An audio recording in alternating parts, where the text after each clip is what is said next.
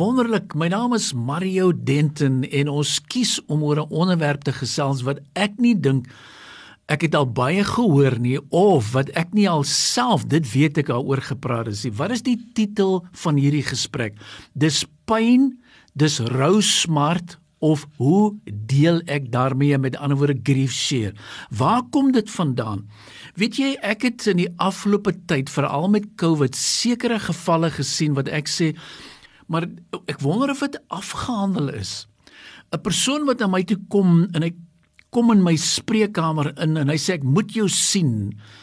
En hy het letterlik 'n uur gepraat oor sy seun wat hy in 2004 laaste gesien het wat oor see gegaan het wat baie knap was, ook 'n springbok gewees het in sy dae met 'n en um, oor see gegaan het en met springbok en skuifskiet pragtig geseën, baie talentvolle seun, maar iets het gebeur. En soos die jare aangaan, toe het hy nooit kontak gemaak, maar nooit in diepte vir hulle gaan kuier nie. Totdat die seun van Bel sê, "Pappa, ek hy verlang." Maar hy dink by homself maar wat is nou die punt? En die volgende ene is waar hy sê ek wil weer die see kom sien en hy dink maar as mens nou 'n groot see ook aan die ander kant. Totdat die seun se vrou vir hom bel eendag en sê pappa, ek moet met jou praat en hy sê my hy is besig en sê stop die voertuig. En toe die voertuig stop, toe deel hulle hom mee dat sy seun het gesterwe. Wat wil ek sê? Nou sit hier 'n persoon en sê Marie, hoe deel ek daarmee? Ek sit en dink aan 'n ander ma wat vir my kom kuier met twee pragtige jong kinders, 'n man verloor deur ook deur 'n hartaanval. Tragies. Ek sit en dink aan 'n onlangse situasie waar 'n persoon vir my bel en sê maar hoorie Mario, ehm um, so en so is oorlede as gevolg van 'n asma, 31 jaar oud, baie jonk en dis die vroutjie se tweede man. Hoe hanteer ons dit? En ehm um, so kan ek vir jou voorbeelde op voorbeelde op voorbeelde gee. Ek dink ons besef nie hoe om dit te hanteer nie. Want nou kom ek by persone soos hierdie en ek sien hulle is angstig. Ek sien daar is 'n klomp, hulle voel bitter. Hulle hulle voel hulle kan nie bid nie. Hulle blameer hulle self. Hulle voel maar hulle het hulle compassion verloor. Hulle is confused soos ek sê. Hulle ontken wat gebeur het. Daar's depressie. Daar is soos hulle sê dis teleurstelling. Dis devastating. En ons sê baie maal vir 'n persoon, baie maal in gemeentes, ons bid vir jou en dit gaan weer herstel en nou sê ek, "Wow!" Ons moet nie sommer so maklik hierdie goeie sê nie. Ehm um, die persoon is gedisoriënteerd. Hy voel sy energie is getap. Hy voel leeg. Uh, hy voel moeg. Hy hy voel maar ek kan nie die dinge verstaan ek nie. Ek het finansiële bekommernisse. Ek is gefrustreerd. Ek het 'n klomp vrae. Ehm um, en hy begin agterkom sy hart is seer, die pyn is ernstig. Hy raak, hy voel hy's in 'n in 'n tonnel, in 'n swart tonnel uh, hy voel hy is uit 'n onvermoë om te presteer. Hy's geïrriteerd. Hy het sy fokus verloor. Hy's alleen. Nou jy weet, ek mag dalk vir jou sê al hierdie simptome as sielkundige sê ek dis reël. Hy sê ek het, ek verstaan nie altyd die dinge nie. Ek raak angstig. Ehm um, ek ek het 'n probleem. Jy sê ek moet God vertrou, maar kyk nou wat het gebeur het. Ek het nie vrede nie. Ek is voel sleg, ek voel geskok. Ek voel daar stres. Ek voel moeg en as ons kyk na hierdie vraelysie, daar's 155 items van wat met jou gebeur as daar sulke dinge gebeur en ons sien daagliks in ons land mense wat vermoor word, mense wat doodgeskiet word. Soms sien ons dat die kinders daar by was. Besef ons hoe wat moet gebeur en wat is die beste optredes? Want die persoon sal vir jou sê dinge is nie meer normaal nie. En dis wat ek vir jou wil help. Of hy begin vra God where are you? Met ander woorde hy begin besef maar ek weet nie meer waar God is nie. Hy soek sy stabiliteit en die gevaar is jy kan dit nou op die verkeerde plekke begin soek. Ehm um, en dan sê die persoon vir jou maar weet jy ek kan nie meer bid nie. My gebede is nie meer dieselfde nie. En ehm um, ek, hoe lank moet ek in hierdie posisie bly? En nou sê ek eenvoudig. Daar is nie 'n eenvoudige oplossing vir dit nie.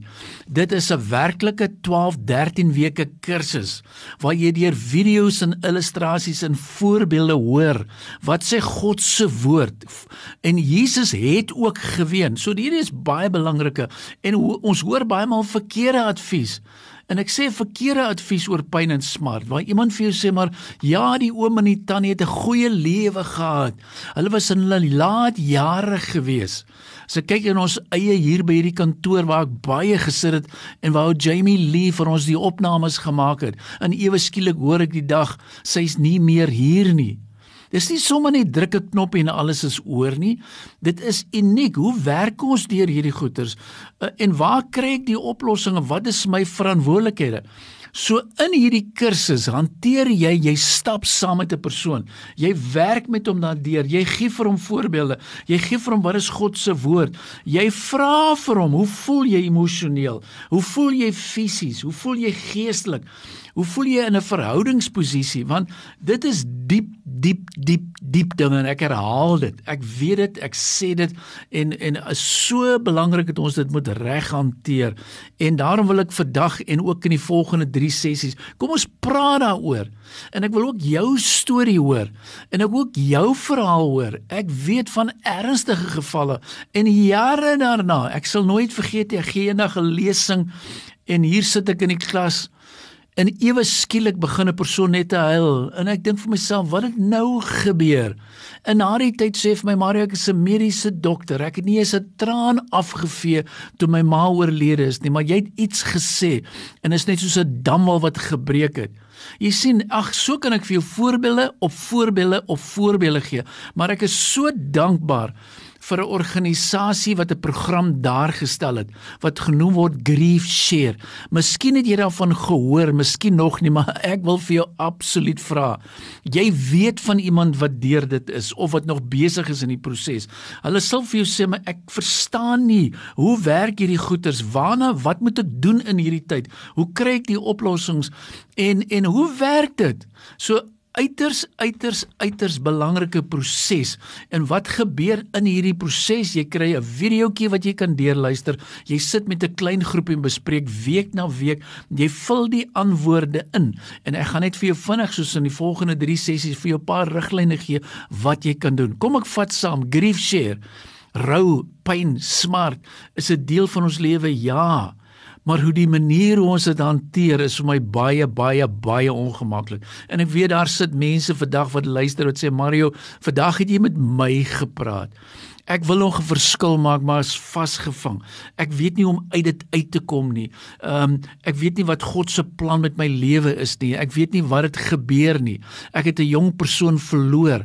Wat die geval mag wees, ek wil sê hierdie is 'n moed en ek spel hom sommer met hoofletters dat ons werklik daardeur sal gaan.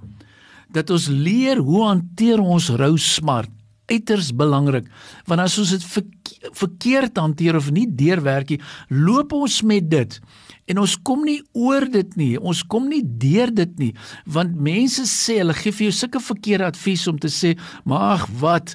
Jy moet net oor dit kom tyd sal genees en al daai goeters en sê ek nee nee nee kom ons werk deur die proses want dit is 'n behoorlike proses. So uiters belangrike proses, uiters belangrike kursus uh, en ek is so opgewonde en ek weet jy gaan met my kontak en laat ons jou verder help. So my selnommer of my mobile soos ons altyd sê 082 88 2903. Kom ek herhaal gou as jy dalk bestuur 0828829903.